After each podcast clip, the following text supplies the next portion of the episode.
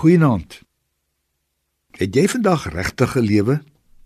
Dit is goed om aan die einde van 'n dag voor ek vanaand gaan slaap myself die vraag af te vra. Ons is gewoonlik moeg na 'n dag se werk en na al die bedrywighede.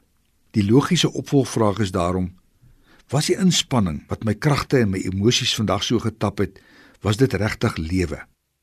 Die rede waarom ons dit vandag mag vra is ons lewe het tog mos 'n doel. So het ons vanoggend besluit. Anders as die diere en die plante met wie lewe bloot net gebeur, word ons as mense se lewe doelgerig geleef. Ons wil mos aan God se doel beantwoord. Ons het sê ons kleer elke dag God se groot kunswerk met ons lewe in. As hy daarom vanaand na ons inkleerwerk van die dag kyk, glimlag hy daaroor. Glimlag hy oor dit wat hy sien.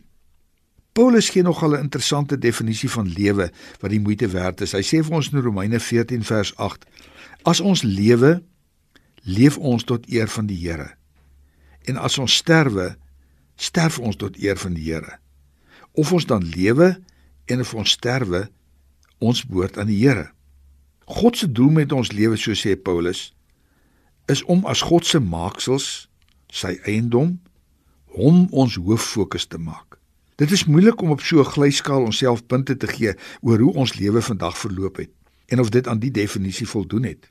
Al wat ons onsself hoef af te vra is: Was God vandag die hoof fokus in alles wat ek gedink het, wat ek gedoen het en wat ek gesê het?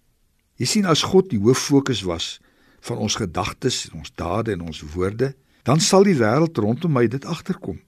As kind en as student het 'n punteuitslag my altyd senuweeagtig gemaak. Moet dan nie vanaand daarom lê en rondrol en sukkel om in slaap te raak oor lewenspunte nie. Luister maar net weer wat sê Paulus in sy definisie van lewe. Ons behoort aan die Here sê hy. Hy ken ons as die palm van sy hand. Lewe word soveel wonderliker by die gedagte. Ek behoort aan die Here. Daarom kan ons vanaand bid. Here, gee ons vannag genoeg krag om môre U die hoof fokus van ons dag se uitdagings te maak. Lekker slaap.